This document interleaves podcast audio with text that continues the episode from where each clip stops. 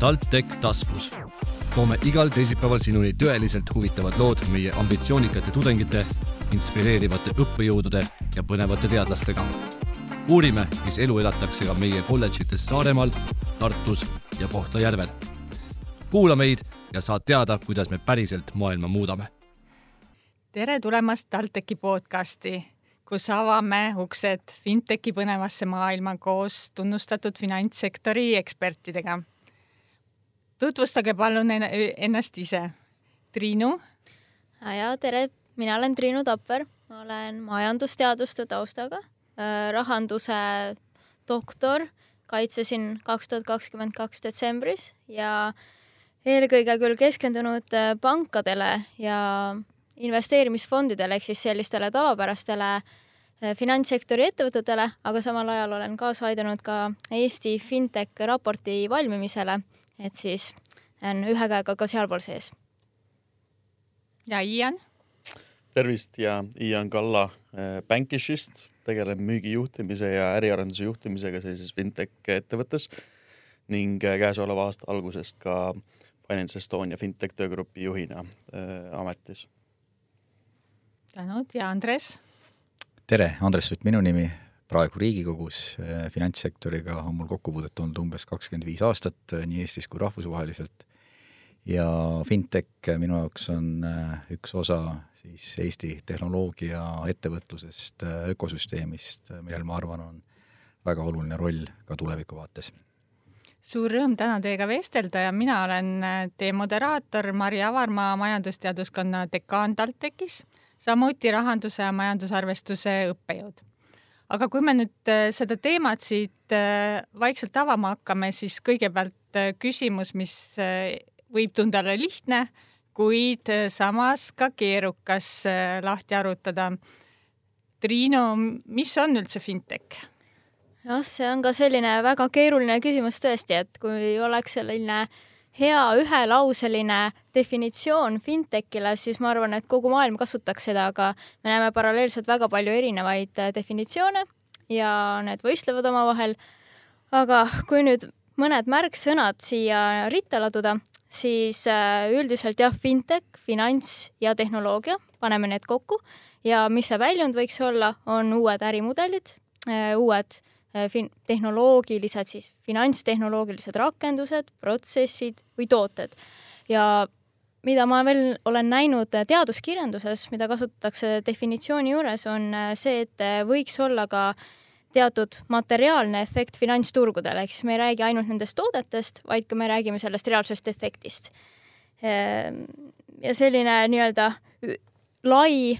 väga lai tegelikult määratlus, aga ma paremat hetkel välja ei oska käia. aitäh, aga siit saame juba edasi minna. Andres, kuivõrd sina oled nii laia vaatega finantsekspert ja omad seda suurt pilti, siis miks üldse praegu inimesed peaksid huvi tundma finantstehnoloogia, fintechi vastu, miks see peaks neile korda minema? no ma arvan, fintech toob ju kindlasti turule uusi võimalusi ja kui me vaatame seda, kui palju näiteks äh, traditsiooniline pangandus äh, viimase ja eriti viimase võib-olla siis kümne-viieteist ja eriti pärast suurt finantskriisi äh, regulatiivselt on muutunud, siis kui mina omal ajal alustasin, see oli eelmise sajandi üheksakümnendatel, et siis pangad tegid väga palju seda, mida nad täna enam ei tee, et nad tegelikult olid nii väärtpaberiturul Äh, ossi, olid, äh, sai pankade kaudu ka kapitaliosalusi ja kapitali tõstmist teha, et äh, noh, pärast finantskriisi see kõik muutus. ja noh, pluss, eks ole, kõik see, mida Triinu juba ütles, et on tulnud väga palju tehnoloogiat kasutusele ja, ja sealtkaudu ma arvan, fintech noh, väga paljudes riikides tegelikult täidab seda rolli, mida ka näiteks pangad võiks, võinuksid täita, kui me räägime näiteks makseteenustest, võtame Aafrika või võtame Brasiilia, et, et seal on see tegelikult teinud inimeste elu ju väga-väga palju paremaks, nii et ma arvan, see on igas riigis, on, on oma mõõde ja Ian, kas sa saaksid siit edasi üle võtta, et millega Eesti fintechid tegelevad ja kuidas Eesti fintech sektor seni arenenud on? Oi, see on väga-väga-väga äh, lai äh, ampluaa, millega Eesti fintechid on täna seni hakkama saanud ja millega nad kindlasti ka tulevikus saavad ähm,. kõik mis puudutab tegelikult inimeste igapäeva toimimist, käib mingisugusel ühel või teisel moel läbi ka finantssektorist ning fintech on tänaseks saanud selle lahutamatuks, lahutamatuks osaks, et ma olen siin Andresega kindlasti nõus, et, et fintech kui selline on, on väga, väga laiapõhjaline ning on tekkinud tegelikult minu hinnangul siis alates möödunud kümnendi keskelt. Et varasemalt oli, oli ikkagi tehnoloogia kui selline finantssektoris suuresti pankade enda nii-öelda arendamise küüsis, aga täna on palju teenuspakkujaid sinna veel juurde tulnud ja ja, ja hakanud võimendama ja võimaldama pankadel ja erinevatel finantsasutustel peale pankade ka samuti toimida optimaalselt ning innovatiivseid lahendusi klientidele pakkuda, olgu see siis maksete valdkonnas Äh, olgu see mm, rahapesu tõkestamine, olgu see mis iganes muud, et kõik need teemad on, on, on fintechis väga suurel tähtsal kohal ja selle kõigega tegelikult ka Eesti ettevõtted ju siin tegelevad, et mina ei oskakski välja tuua ühtegi fintech nii-öelda harusektorit omakorda, kes, kus, kus Eestis ei oleks nagu mitte mingisugust tegevust täna kas sa tooksid mõne näite ka, et meil siin päris abstraktseks ei jääks? ja kindlasti. Eestis on äh, pikka aega peetud juba üheks äh, suurimaks fintechiks näiteks Veriffi. Äh, kuigi siin jällegi tulles tagasi fintech definitsiooni juurde, siis väga, nagu Triinu ka ütles, väga lai nii-öelda kirjeldus selle juurde, aga ometi on nad väga tugevalt osa finantsteenuste pakkumises ja, ja usaldusteenused kui sellised on, on ka äh, selle juures väga tähtsad. samas fintechis näiteks tuua Bankishi näitel, millega mina igapäevaselt tegelen, on äh, tegemist äh, nii-öelda siis enterprise software'iga, kui, äh, kui kasutada inglisekeelset terminit, et äh, igasugusel pangal täpselt samamoodi nagu isik, eraisiku personal computer'il on vaja mingisugust operatsioonisüsteemi, millega siis ähm, süsteemi üleval hoida ja millega saab seda arvutit kasutada täpselt samamoodi on tegelikult ka pankadel ja meie tegeleme igapäevaselt siis eh, just selle tehnoloogia loomisega, mis võimaldab neil hallata enda äri. Nii et siis eh, mõnes mõttes tagatoa haldamine? just täpselt mm. -hmm. ja noh, kui, kui juba Veriffi mainisime, siis on väga palju eh, muid Eesti vahvaid startup fintech'e ka, kes on juba äh, siin aastatega suutnud endale tugevat kliendibaasi kasvatada ja minna ka rahvusvaheliseks, mis peaks olema kõigi meie eesmärk, eks ole. et, ähm, et on, on ka rahapesu tõkestamise poolelt väga suured äh, tegijad tulnud välja, kes on pankadega saanud ka väga,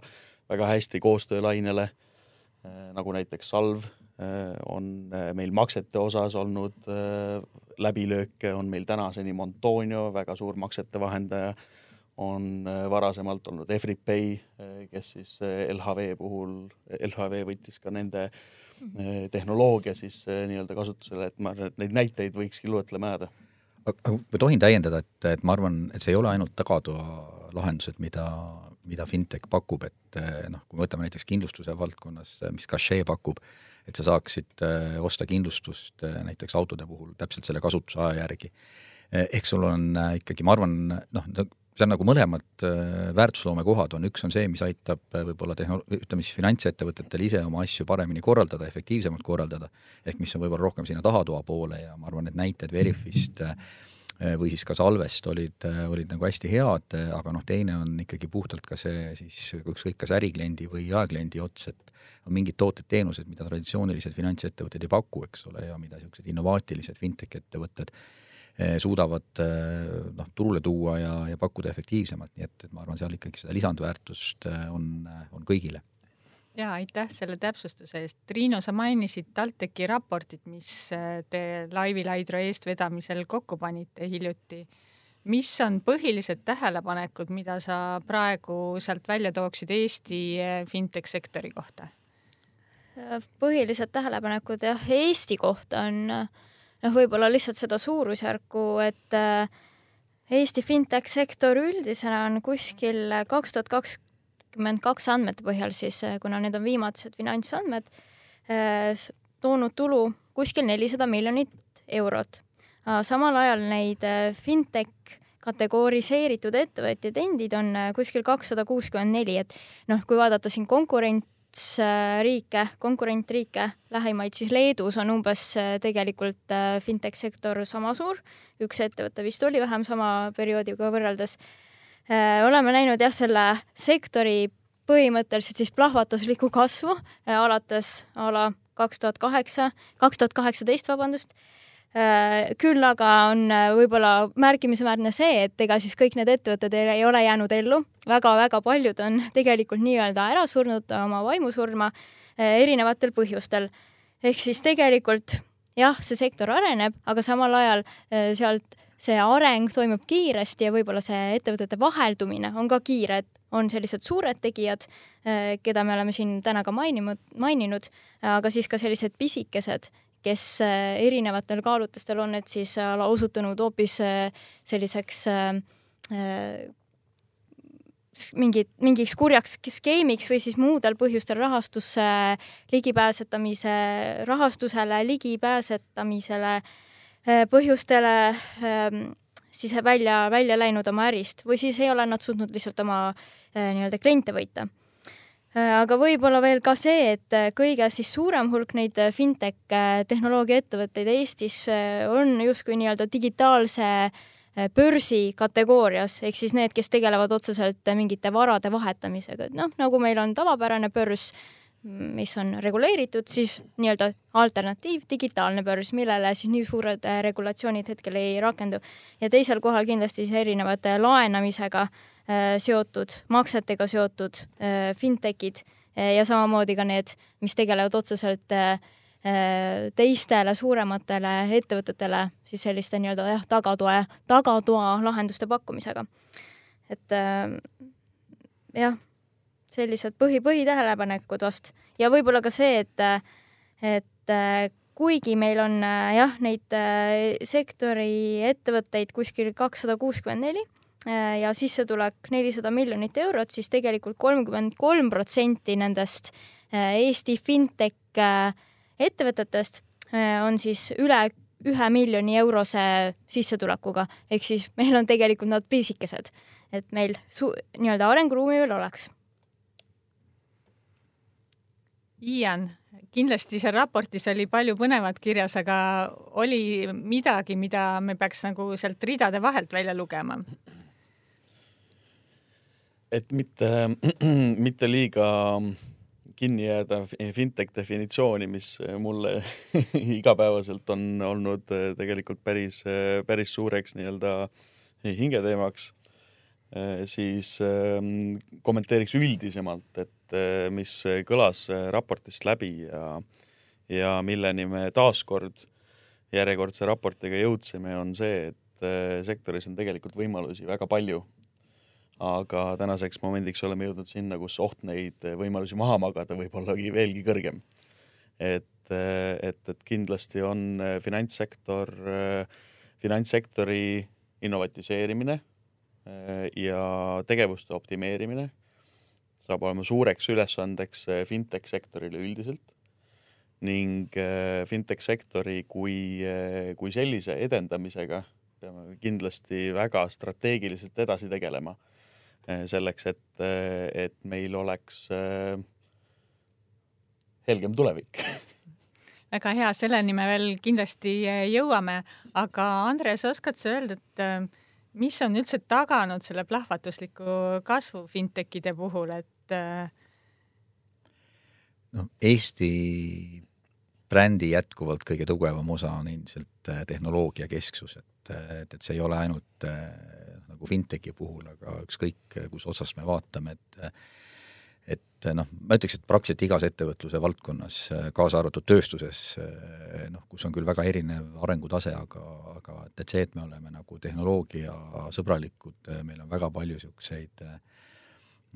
tehnoloogia huviga ettevõtjaid, et, et ma arvan, sealt see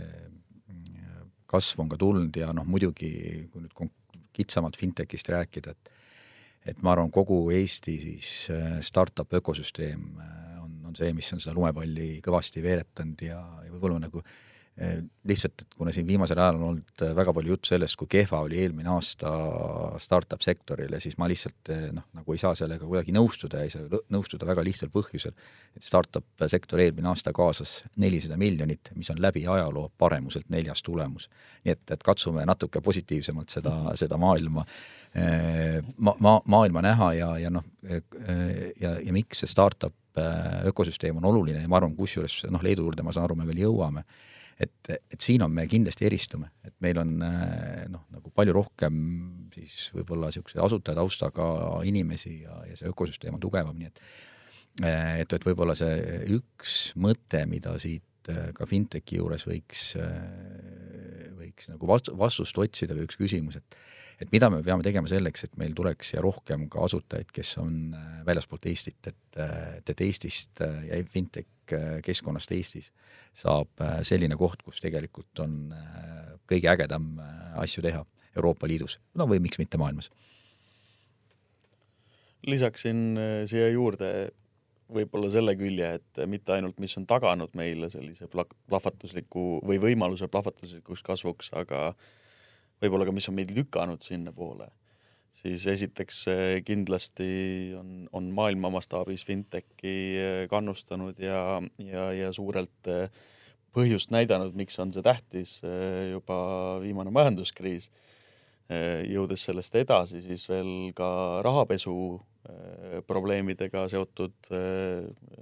seotud teemad, et kõik see tegelikult täna igapäevases finantssektori tegevuses on Äh, tahes-tahtmata sellega peab tegelema äh, ja, ja, ja, ja, ja, ja milleks, äh,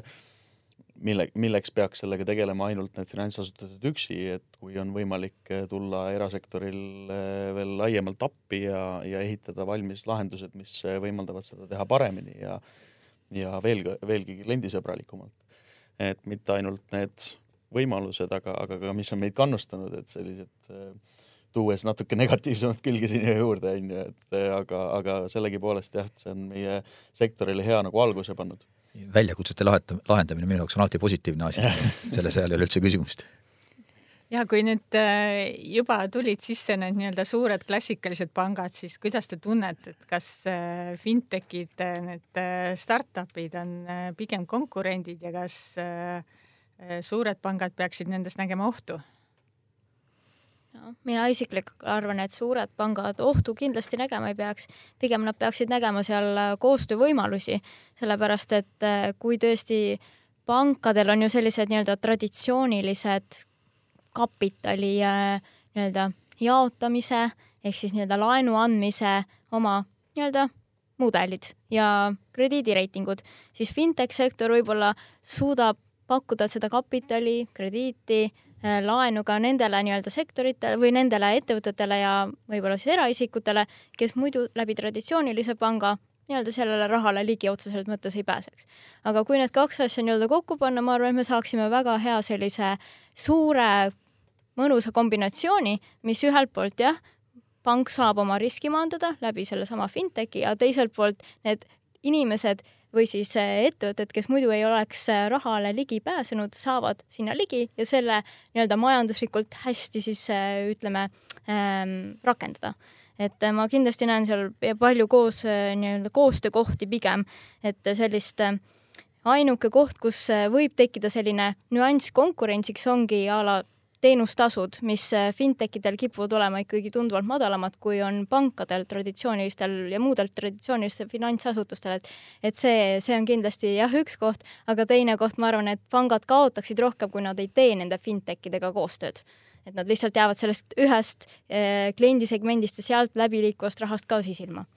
et ma arvan, võib-olla teised sektori inimesed oskavad rohkem täiendada mind. ma kindlasti võtaks sellest viimasest ja. Äh, kommentaarist kinni ja, ja, ja jääksin sinna peale, et äh, kindlasti on pigem äh, koostööelemente rohkem kui konkurentsi. Ma leian, et vähe, vähe sellest, et on fintech'e kahte tüüpi, siis need, kes nii-öelda pakuvad sarnaseid teenuseid ka või ütleme, edasiarendatud teenuseid sellest, mis traditsioonilised pangad on ähm, aastakümneid pakkunud, aga, aga ka võimendavad siis tehn-, läbi tehnoloogia kasutuse ja, ja digipööre, digital transformation, kuidas iganes seda kutsuda, võimendavad nende enda võimekust tuua kulusid alla ning teenindada järjest rohkem kliente, ehk siis noh, seda mitte ainult ja või, aga, aga kindlasti mõlemal perspektiivil, et et need uued, uued viisid, kuidas läbi fintech'i on võimalik turgudele läheneda ja, ja kuidas enda operatsioone para, parandada, on täna juba sellised, et noh, hoomamatud täiesti ja tulevik on alles ees. Et kas ta siis ühesõnaga sütitab innovatsiooni ka traditsioonilistes pankades, see, et meil on olemas selline koostöö, et pangad, hakake ka nüüd tegutsema. kohe kindlasti, kohe kindlasti. Ja ma arvan, et see on just see teine külg sellest äh, samast mündist, et äh, konkurentsielement äh, sealjuures peaks olema just selline sütitav, mitte, mitte hirmuga peale vaadata, et no nii, et nüüd konkurendid tulevad turule ja et kuidas me saame nendest parem olla, paremad olla, et pigem konkurents üldises mastaabis finantsturge kindlasti parandab ja üld, ükskõik milliseid turge selles võtmes, et no minu jaoks on need kaks äh, siis, ma ei tea, sektorit, kui neid niimoodi saab er eristada kuidagi ikkagi üksteist täiendavad, et äh, mõlemad vajavad äh, teist selleks, et, selleks, et toimetada. ja võib-olla üks nagu niisugune nurk, mille peale noh, mõlemalt poolt tuleb mõelda, et kuidas mõjutab tehisaru kui tööriista kasutuselevõtt tegelikult nii panganduse, traditsioonilise panganduse kui, kui siis ka fintechi arengut, et, et noh, nagu väga paljusid asju, ma ei võib-olla siin just selle vastavuskontrolli ja, ja niisuguse tagatoa valdkonnas tegelikult, kui on pank, kes kasutab tehisaru kui tööriista nagu ainult oma maja sees, et siis seal neid efektiivsuse võidukohti on, on, on hästi palju, noh, mis omakorda tõstatab selle küsimuse, et, et mida need äh, RegTech või äh, või siis ka mõned taga, tagatoateenuseid pakkuvad äh, fintech'id peaksid tegema, et, et äkki tehisaru lihtsalt osa sellest noh, nii-öelda probleemist lahendab ära, et, et ega see innovatsioonisurve noh, tegelikult siis fintech suunal, noh, ma arvan,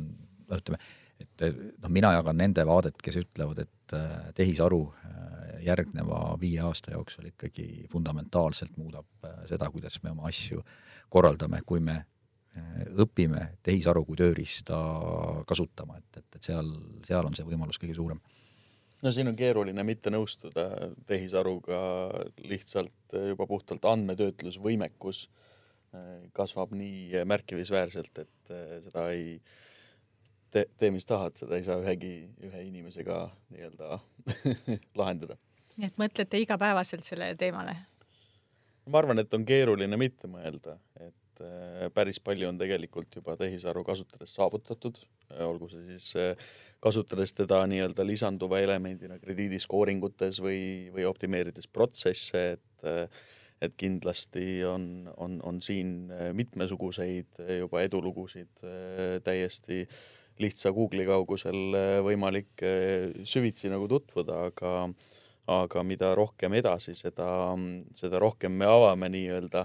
enda jaoks seda musta kasti, et äh, kuidas, kuidas see päriselt toimib ja arendame asja edasi, et täna on seni minu hinnangul vähemalt finantssektoris tehisaru nii-öelda täielikus kasutusele võtmiseks põhiline piiraja olnud siiski see, et, et, et, et me veel päris täpselt ei saa sellest mustast kastist nii-öelda aru. Või et ei oska seda kõige, kõige paremini veel rakendada, et äh, mingisugune, üldine arusaam ja pilt peab meil ikkagi silme ees olema, enne kui me laseme masinal enda eest otsuseid teha. võib-olla üks nagu mõõde ka siia juurde, et noh, niikuinii fintechi puhul, kui see on hästi tehnoloogiamahukas äh, ja noh, ütleme rääkimata siis sellest, kui me järjest enam kasutame rohkem andmemahte selleks, et,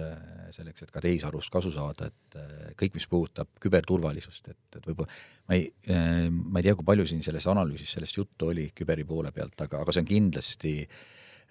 noh, nagu üks selle mündi siis teine pool, mis peab sümmeetriliselt kasvama, et mida andmemahukamaks, mida tehnoloogiamahukamaks me muutume, seda rohkem me peame investeerima küberturvalisusesse või küberkerksusesse.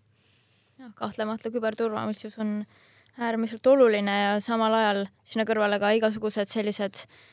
noh, lisaks küberturvalisusele ka turvalisus, mis käesneb otseselt äh, sellesama, nende samade rahadega, mis kipuvad läbi fintechide liikuma, et nad oleksid siiski nii-öelda kontrollitud ja puhtad rahad, mitte seal ei toimuks nii-öelda laiaulatuslikku rahapesu, et seal, seal kindlasti ma arvan, et, et see on ka üks nagu selline väljakutse kohtasi Eesti või noh, üldiselt Euroopa fintech maastikule et äh, me oleme praegu jah, ebakindlas nii-öelda olukorras, et ühelt poolt seda regulatsiooni väga ei ole, teiselt poolt äh, meie on ikka oht nii-öelda selliseks rahapesuks, aga teiselt poolt me võib-olla peaksime just mingisuguse regulatsiooni äh, tegema äh, selle tõttu, et, et fintechidel oleks endal ka see kindlus olemas, et edasi arendada, mis suunas, kuhu, mida, mis, mis on nendel lähima a la paari aasta selline äh, regulatsioonidest tulenev lisakohustus, millised lisainvesteeringud neil on näiteks vaja teha või, või kuhu nad peavad arenema, et, et see on kindlasti üks, üks oluline asi kui need äh, regulatsioonid juba siin äh, sisse tulid, Ian, äh, kuidas siis ettevõtted tervitavad või vaatavad hirmuga regulatsioonide poole? ei, ma arvan, et fintech sektor üldiselt kindlasti vaatab tervitatavalt regulatsioonide poole, et noh, päeva lõpuks midagi ei ole teha. meil oleme sellises, sellises keskkonnas, kus regulatsioon äh, Äh, nii et nii äh, on äh, ettevõtjatest mitu-mitu aastat tagapool.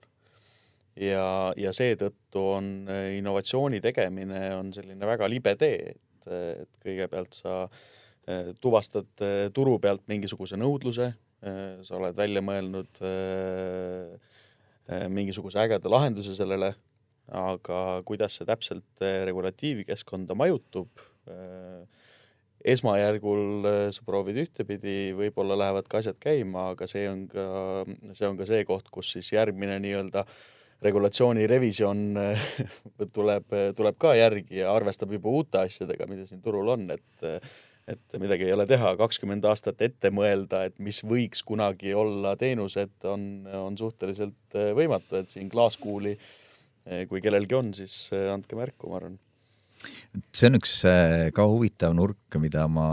siis startup ja ka fintech maailmas alguses kogesin niisuguse suure üllatusena, et noh, tavaliselt ma olen harjunud sellega, noh, pangadega räägid, et pangad ütlevad, et ülereguleeritud, te reguleerite meid liiga palju. ja siis on teine noh, nagu segment sektorist, mis ütleb, et tegelikult me ikka tahaks, et oleks mingi regulatsioon, et muidu meil on väga keeruline toimetada ja noh, nii nagu Ian, sa ütlesid, et et, et sul ikkagi mingisugune raam äh, on abiks, et, äh, et, et siis saab seal raami sees sättida ja ma arvan, selle raami äh, siis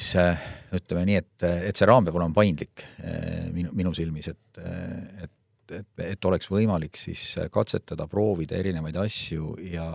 ja siis vastavalt sellele, mis noh, nagu tundub mõistlik äh, nii teenuse kui, kui riski vaatest, et, et, et siis me ei välistaks nagu neid eh, lihtsalt eh, põhjusel, et, et me kunagi võtsime mingi seaduse vastu või, või mingi regulatsiooni, mille tulemusel tegelikult hea asi jääb eh, tegemata, et ma arvan, seal niisugust dialoogi on kindlasti nagu väga-väga palju vaja. Ja sellepärast olen ka mina suur toetaja sellele, et finants või fintech strateegia saaks paika ja nii palju ma saan juba ette öelda, et, et kevadeks on olemas oo, jääme põnevusega ootama, aga kui me siia fintech strateegia teemani juba jõudsime, siis äh, Triinu, kuidas sulle tundub, mida sektoril praegu üldse vaja on? sektoril kõige lihtsamas võtmes oleks vaja raha et äh, ligipääs kapitalile toodi nii-öelda, kui nii-öelda naljaga poolega, naljaga pooleks sinna läheneda, siis tegelikult jah, äh, viidi läbi küsimustik ka fintech äh, ettevõtete endi hulgas, et nad saaksid välja tuua siis oma nii-öelda sellised probleemid, kitsaskohad, millega nad seisavad silmitsi ja üks peamiseid asju oligi, oligi siis kapitalil ehk siis rahale ligipääsemine. ehk siis noh, me näeme, mis toimub majanduses praegu, et ei ole väga sellised äh, õitsvad ajad, ütleme et et raske on ja, ja noh, üldiselt ka startup sektorile need rahavood on, on vähenenud. Startup sektori üks osa, fintech, noh, loogiline on ju, et, et see ei saa niimoodi edasi areneda, kui, kui terve see fintech ärimudel, võib-olla parandage mind, kui ma eksin, Ian, et eh, põhineb ikkagi sellele, et tuginetakse investorrahadele, et kui seda ei ole, siis ei ole ka äri, sest et noh, ilmselt see kliendibaas ei ole väga suur praegu, et et äh, see tegelikult jah, see kliendiplaasi nii-öelda laiendamine või olemasolu oli ka üks tegelikult olulisi selliseid märksõnu, mis sealt välja tuli, et äh, kas siis see toode ei vasta siis klientide ootustele või ta on selline liiga, ütleme, ajast ees, et, et äkki kümne aasta pärast läheks nii-öelda laiemale inimeste hulgale, ettevõtete hulgale peale. samamoodi, et, et ma ei tea, võib-olla siin sektori äh, esindajal Ianil on endal parem äh, nägemus sellest, et mis need äh, keerulised väljakutsed on, aga need tulid välja sealt raportist. raha lahendab kõik mured alustaks tagantpoolt, et, et kindlasti on ähm, kindlasti on sektoril, sektori jaoks tähtis see, et, et oleksid kliendid, kes hakkaksid siis neid fintech lahendusi kasutama ja, ja midagi ei ole teha on, on teatav konservatiivne nii-öelda maailma, maailmavaade või mõttemall ikkagi traditsioonilises panganduses väga tugevalt täna veel olemas, et et täiesti uisapäisa veel fintech lahendusi liialt palju kasutama ei hakata ja mistõttu ilmselgelt tekkis ka varasemalt juba kõnetatud küsimus, et kas pigem on konkurendid või koostöö Eh, pankade ja fintechide vahel või üldse üldiselt kogu sektori vahel ja, ja siin jälle ei ole midagi teha, kui jälle Andresega nõustuda, et, et tegemist on siiski eh, üksteist kohe kindlasti mitte välistavate elementidega, kes saavad eh, kasvada ja areneda ainult koostöös.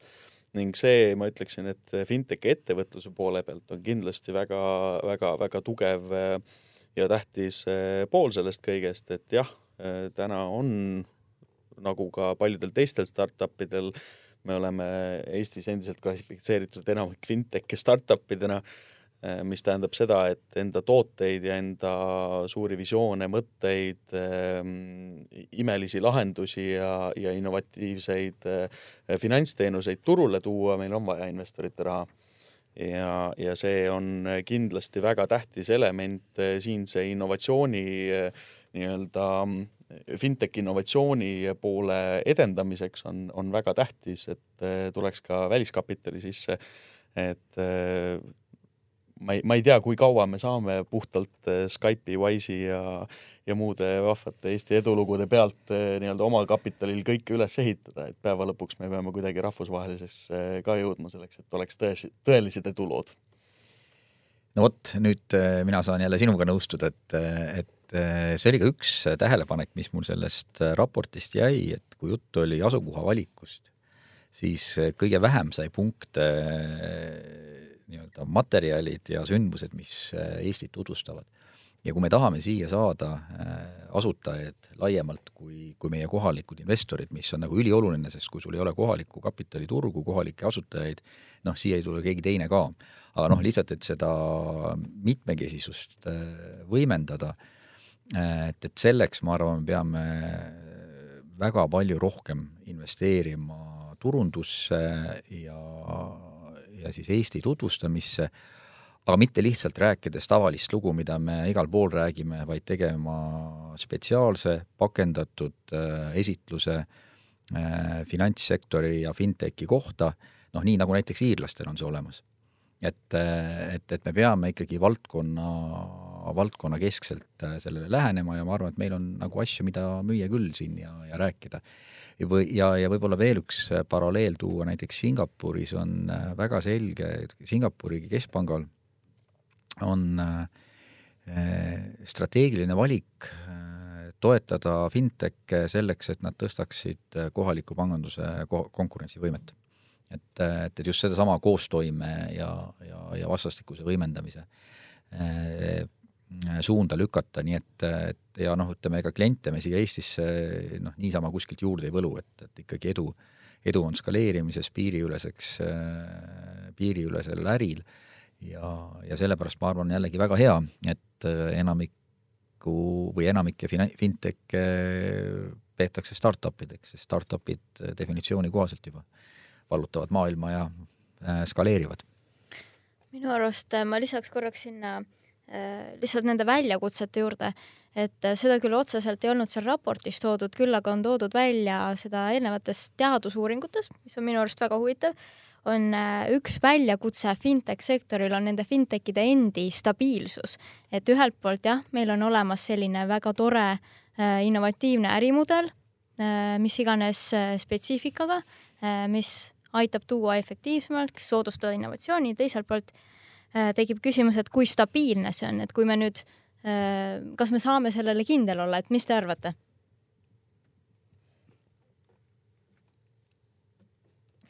mõttepaus tekkis mõttepaus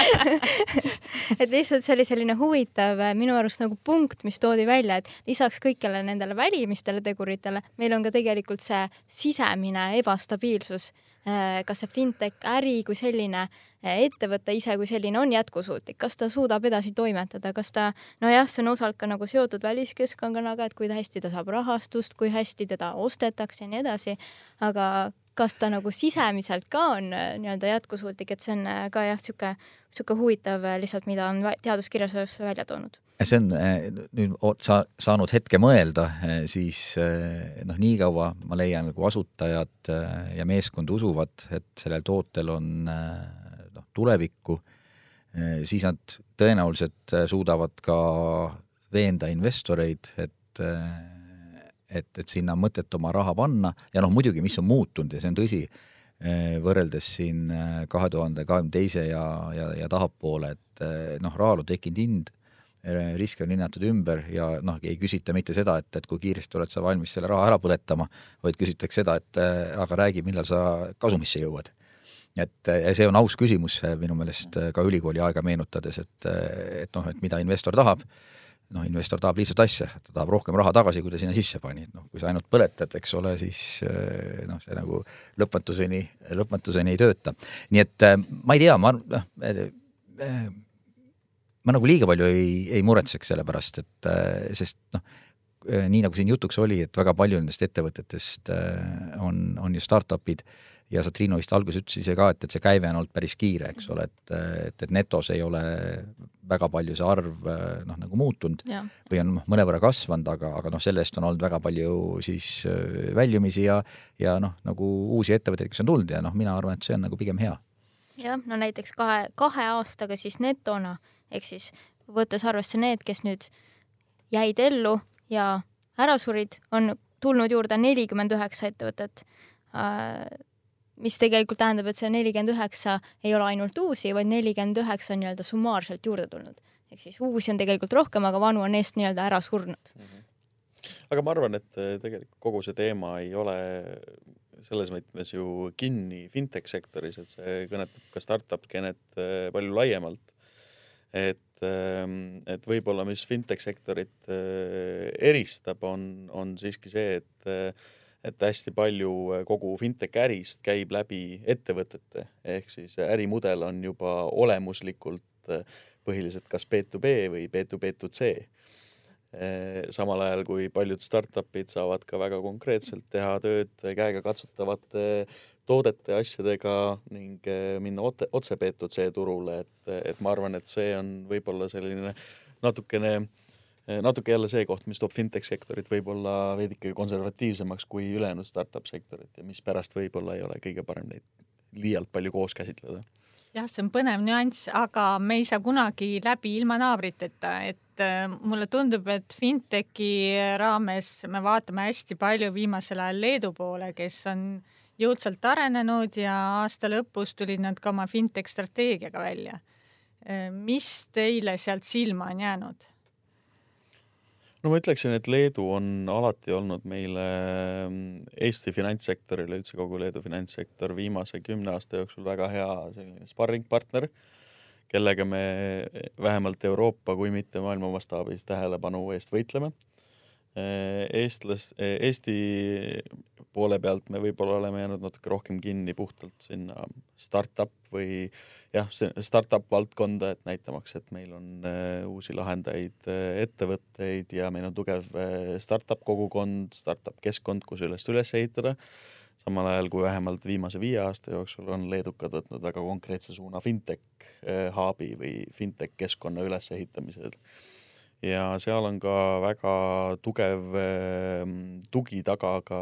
siis äh, Leedu Keskpanga poolt Äh, kes äh, kogu regulatiivset poolt hindab, äh, hindab, hoiab töökorras ning, ähm, ning võtab vajadusel vastu uusi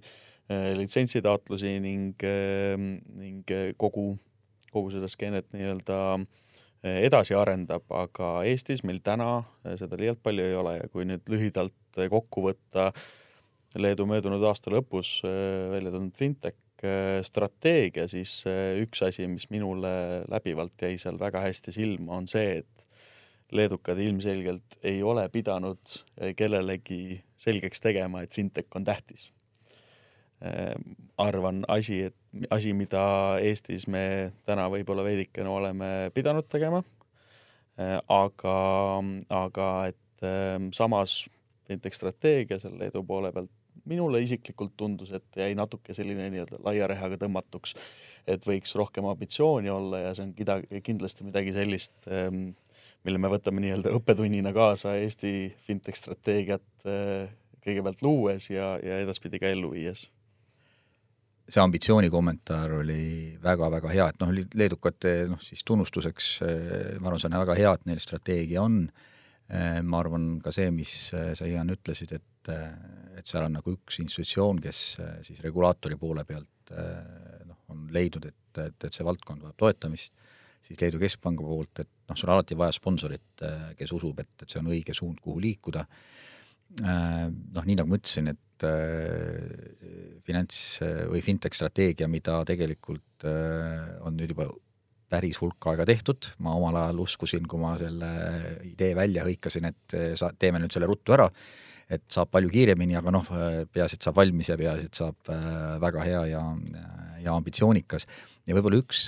lisandus, kui ma lugesin seda, mulle jäi see tunne, et see on nagu rohkem sissepoole vaatav, et see on nagu Leedu noh, et kuidas me ise siin asju korraldame, aga minu meelest jällegi ma võtaks sellesama Iirimaa näite,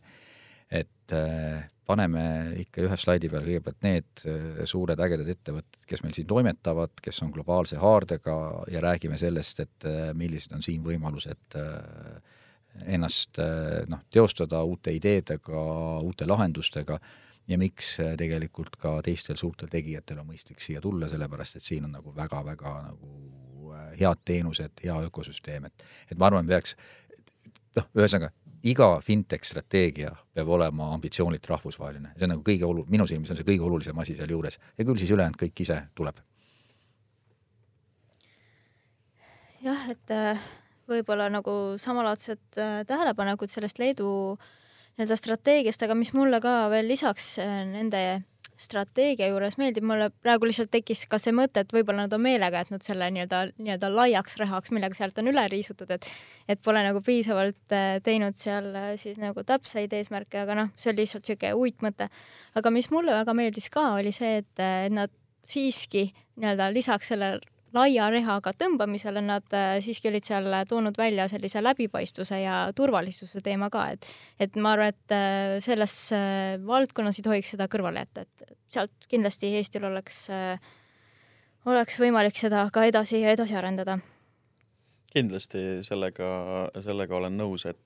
et see on äh,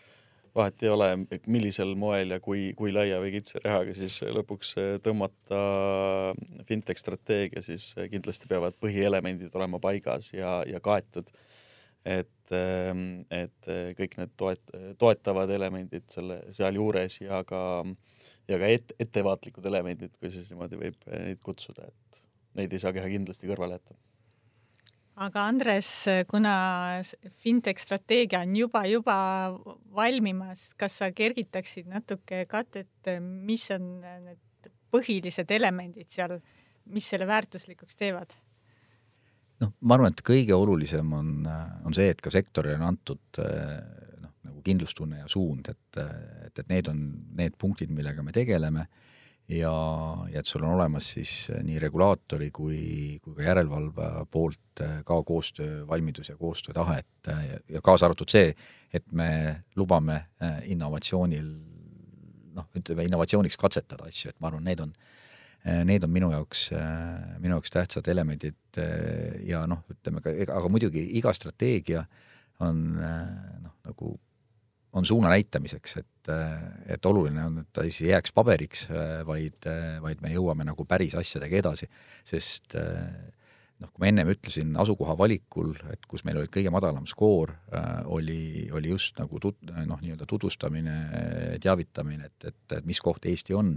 et me saame noh, ütleme strateegia niisama tutvustamine ei tee trikki ära, et me peame näitama, et meil tehakse siin selliseid asju, mis on maailma tasemel ja siis see lumepall kogub, kogub hoogu. ja ma arvan, et siit, et natuke võib-olla üks praktiline näide ka juurde tuua, siis üks sektoripoolne vaade, et miks on strateegiat kindlasti vaja, on, on juba see näiteks, et kui startup skeenet toeta-, toetatakse päris edukalt ja, ja näidatakse väljapoole, et me oleme Eestis kas siis Unicorn Factory või, või, või midagi muud samalaadset, siis mis puudutab fintech sektorit, siis pigem kasvõi näiteks ettevõtluse innovatsiooniasutuse toetusprogrammides on finantsteenused ja, ja sellega seonduvad tihti välistavad elemendid, et pigem võiksime juurde tuua ka, ka selliseid programme, mis võimaldaks ka fintech innovatsioonil siis kõigepealt algust teha ja, ja seal ka kasvada. et äh, see siinjuures on kindlasti ka palju lisanduvaid asju, et mitte tõesti, et jätta ainult paberiks, vaid ka ära teha nii-öelda liivakast, regulatiivne liivakast ehk siis sandboxing Eesti poole pealt, et, et võimendada just seda regulatiivset innovatsioon, regula-, reguleeritud innovatsiooni, siis ütleme niimoodi. ja, ja, ja see lühidalt kokkuvõttes on ju kõik väga tähtis. aga aitäh, kas on veel mõni mõte, mis äh, kuskil pakitseb ja soovib le lendu tõusta? minul äh, just selle fintechi definitsiooniga või noh, pigem selle definitsiooni liiga laiahaardelisusega oli see, et üks osa sellest on äh, finantsinnovatsioon, siis minul kohe tekib selline mõte, et mis hetk see on siis, millal finantsinnovatsioon enam ei ole innovatsioon, et millal, mis hetkel ta siis enam on äh, nii-öelda, ta on juba nii-öelda tavaline tehnoloogia, et kas me võime mingil hetkel näha ka sellist punkti, et, et nüüd fintech, mis oli finantstehnolo-, finantsinnovatsiooni nii-öelda kasvulava, enam ei ole seda, sellepärast et see tehnoloogia on igal pool mujal ka nii-öelda rakendatud, et, et kuivõrd tõenäoline see võiks olla ma ütleks, et finantssektor on juba kakskümmend aastat maha jäänud sellest, et meil kõigepealt on vaja järgi jõuda ja siis me võime mööda minna. Mõni optimistlikum sõna ka lõpetuseks? ja kindlasti, et, äh, et, et kui ma vaatan seda fintechi kaarti, mis on selle uuringu lõpus, et siis üks äge asi, mis siit torkab silma, mitmekesisus. meil on nagu väga paljudes valdkondades, noh, mõnes on vähem aga, aga noh, on, on nagu väga selgelt no ütleme siis otse hunnik ettevõtteid, kes, kes seal toimetavad. Ja, ja see on minu jaoks, kui me nüüd teeksime siit äh, väljasuumimise, et miks fintech sektorina on oluline, Eesti majandus on äge, globaalselt konkurentsivõimeline ja koht, kuhu tahetakse investeerida ja koht, kuhu tahavad talendid tulla siis, kui see majandusruum on mitmekesine. nii et selle koha pealt ma arvan, fintech on väga-väga oluline klots või, või siis äh, tükk selles äh, suures äh, mosaiigis või pusles suur-suur tänu, selle kokkuvõtva lausega on ilus meie tänane podcast lõpetada. aitäh, oli teiega äge mõtteid vahetada. järgmise korrani. aitäh. aitäh. aitäh. TalTech taskus, tõsiselt huvitav. igal teisipäeval Spotify's ja SoundCloudis